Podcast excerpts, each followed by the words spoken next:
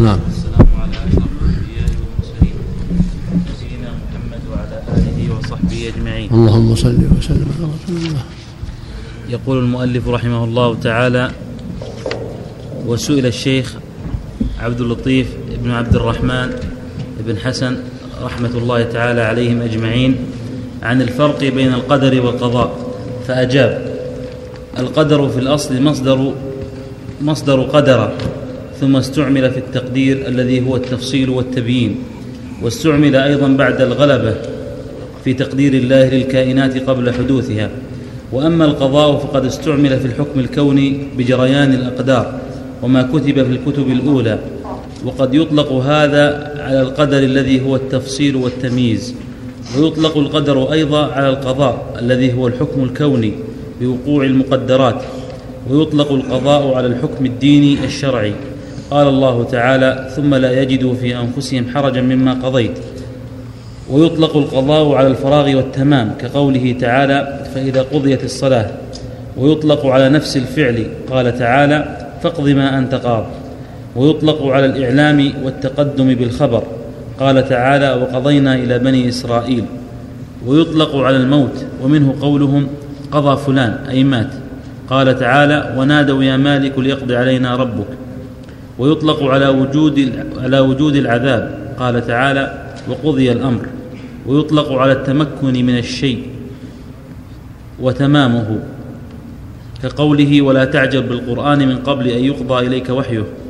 ويطلق على الفصل والحكم كقوله وقضى بينهم بالحق وقضي بينهم بالحق. ويطلق على الخلق كقوله تعالى فقضاهن سبع سماوات. ويطلق على الحتم كقوله تعالى وكان أمرا مقضيا. ويطلق على الأمر الديني كقوله وقضى ربك ألا تعبدوا إلا إياه. ويطلق على بلوغ الحاجة ومنه قضيت وطري. ويطلق على إلزام الخصمين بالحكم. ويطلق بمعنى الأداء كقوله تعالى فإذا قضيتم مناسككم. ويطلق والقضاء في الكل مصدر.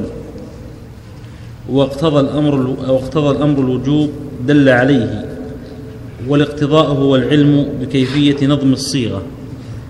وقولهم لا لا أقضي منه العجب قال الأصمعي يبقى ولا ينقضي.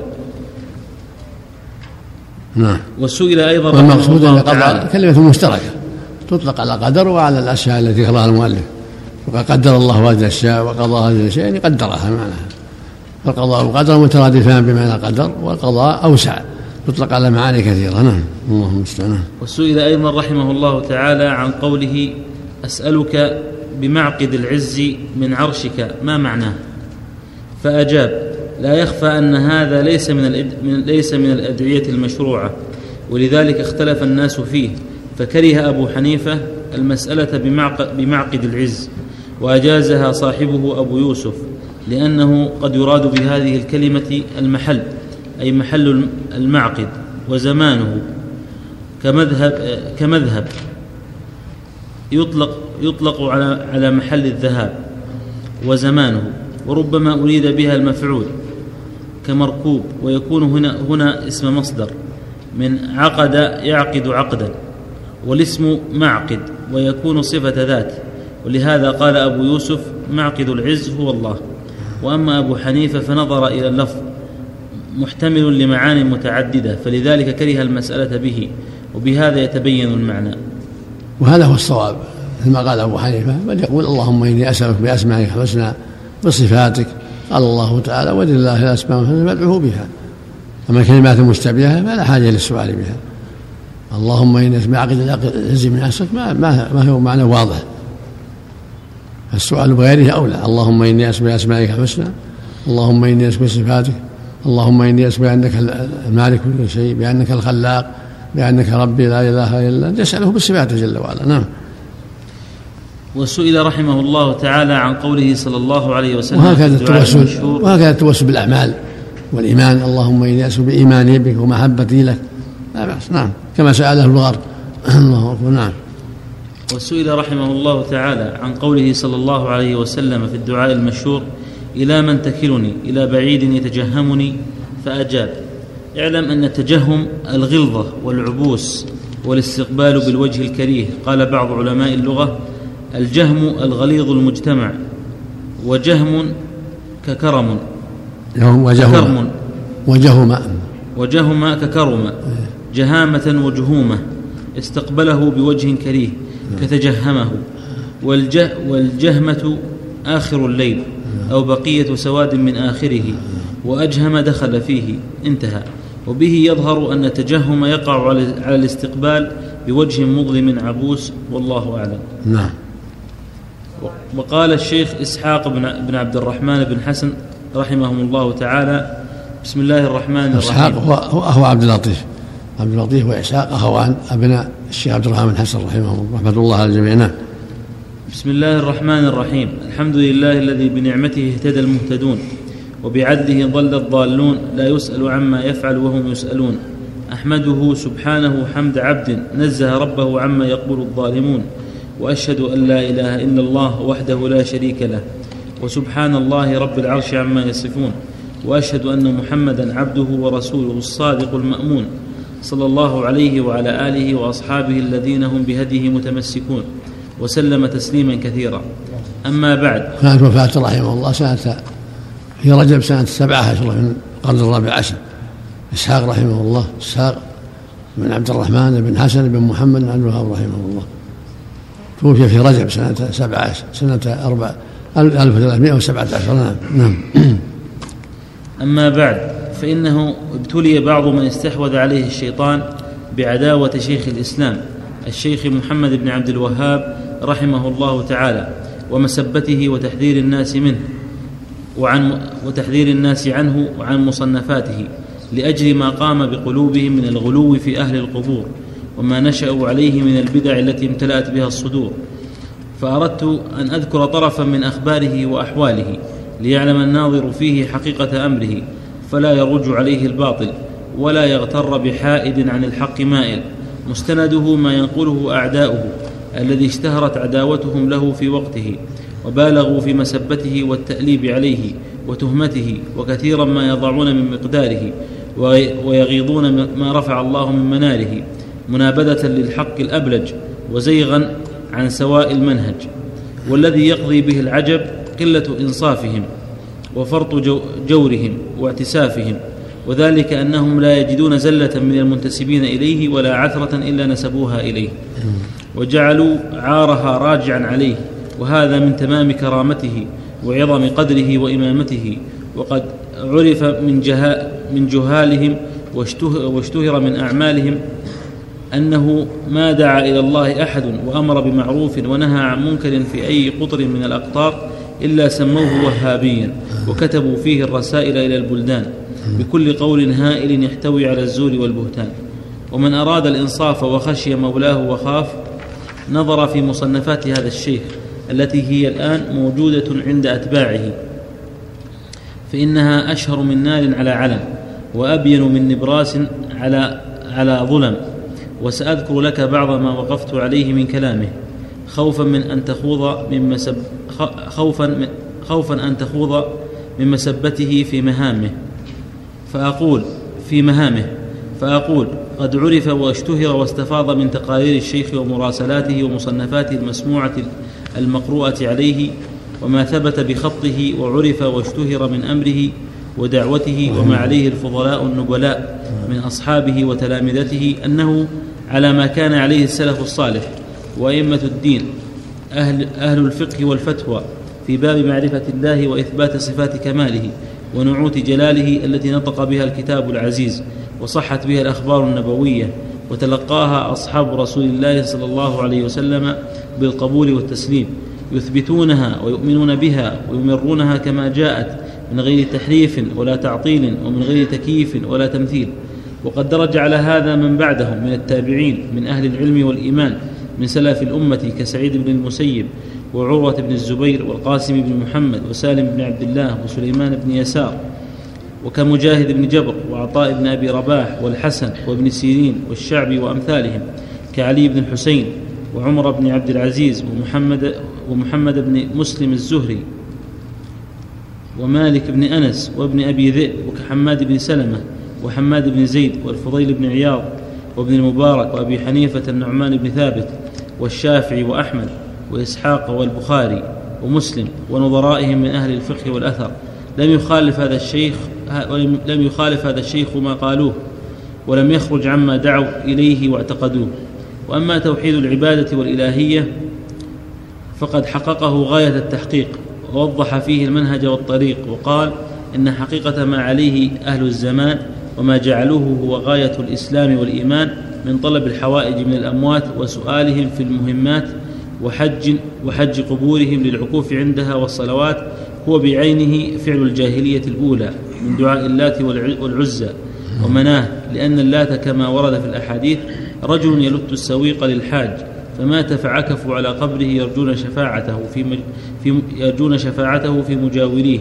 وإنما وإنما عاداه أناس عاشوا على الشرك واستمروا على الشرك فعادوا كل من دعا إلى التوحيد.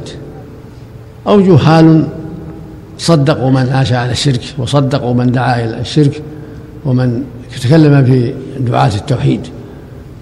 فالذين يتكلمون في دعاة التوحيد ما بين مشرك وما بين مقلد للمشرك.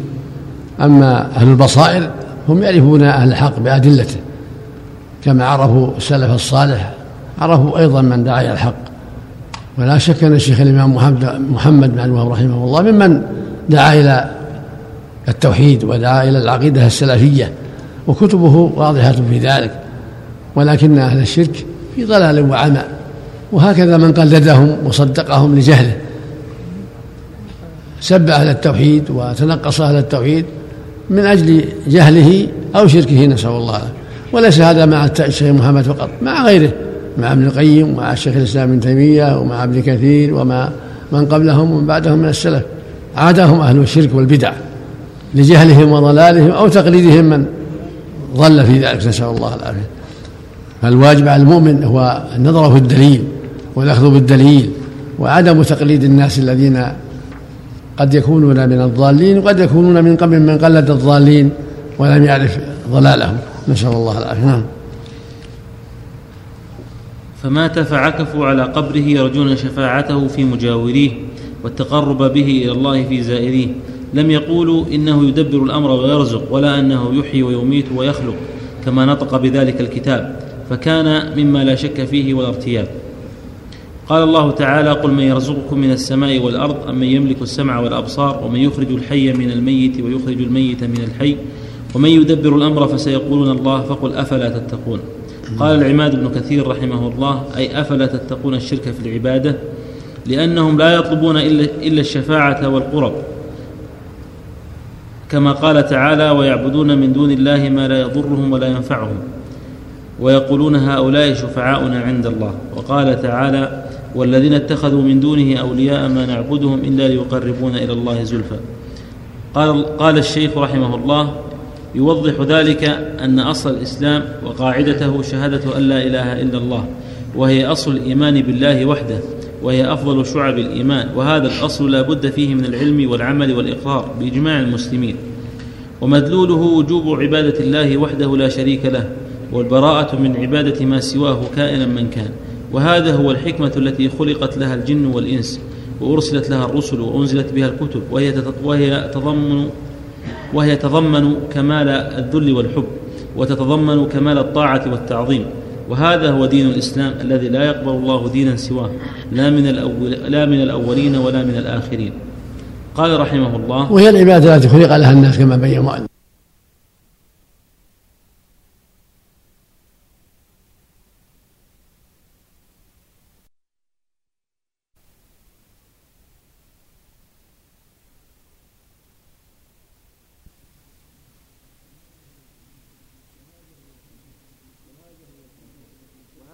من كان وهذا هو الحكمة التي خلقت لها الجن والإنس وأرسلت لها الرسل وأنزلت بها الكتب وهي وهي تضمن وهي تضمن كمال الذل والحب وتتضمن كمال الطاعة والتعظيم.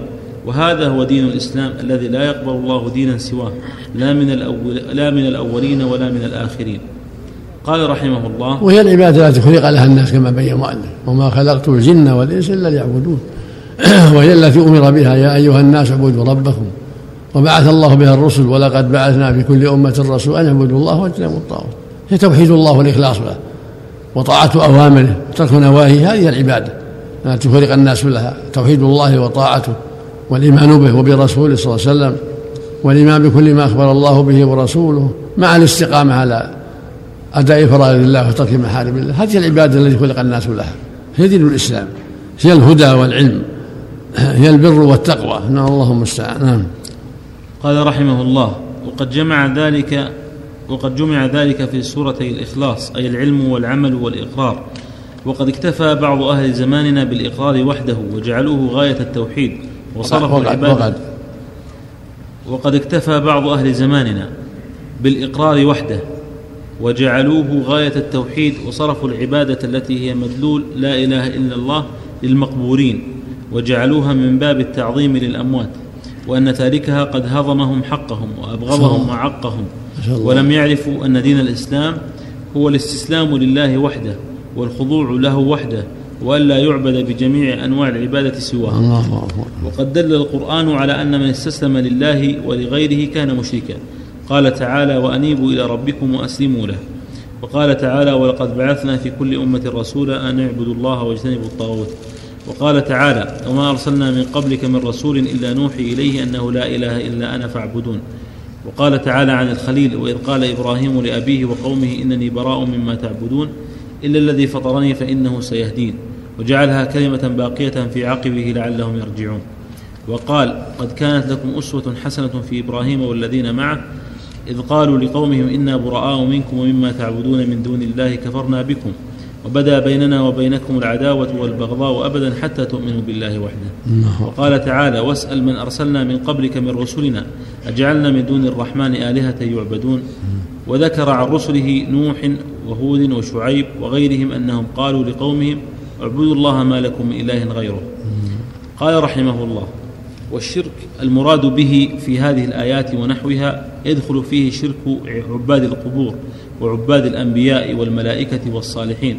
فإن هذا هو شرك الجاهلية شرك جاهلية العرب الذين بعث فيهم عبد الله ورسوله محمد صلى الله عليه وسلم. فإنهم كانوا يدعونها ويلتجئون إليها ويسألونها على وجه التوسل بجاهها وشفاعتها لتقربهم إلى الله. كما نبه تعالى على ذلك في آيتي يونس والزمر. زمر. الله أكبر. نعم. يونس ويعبدون ما لا يضرهم ولا ينفعهم ويقولون هؤلاء شفعاء عند الله. ما قالوا إنهم يخلقون ويرزقون.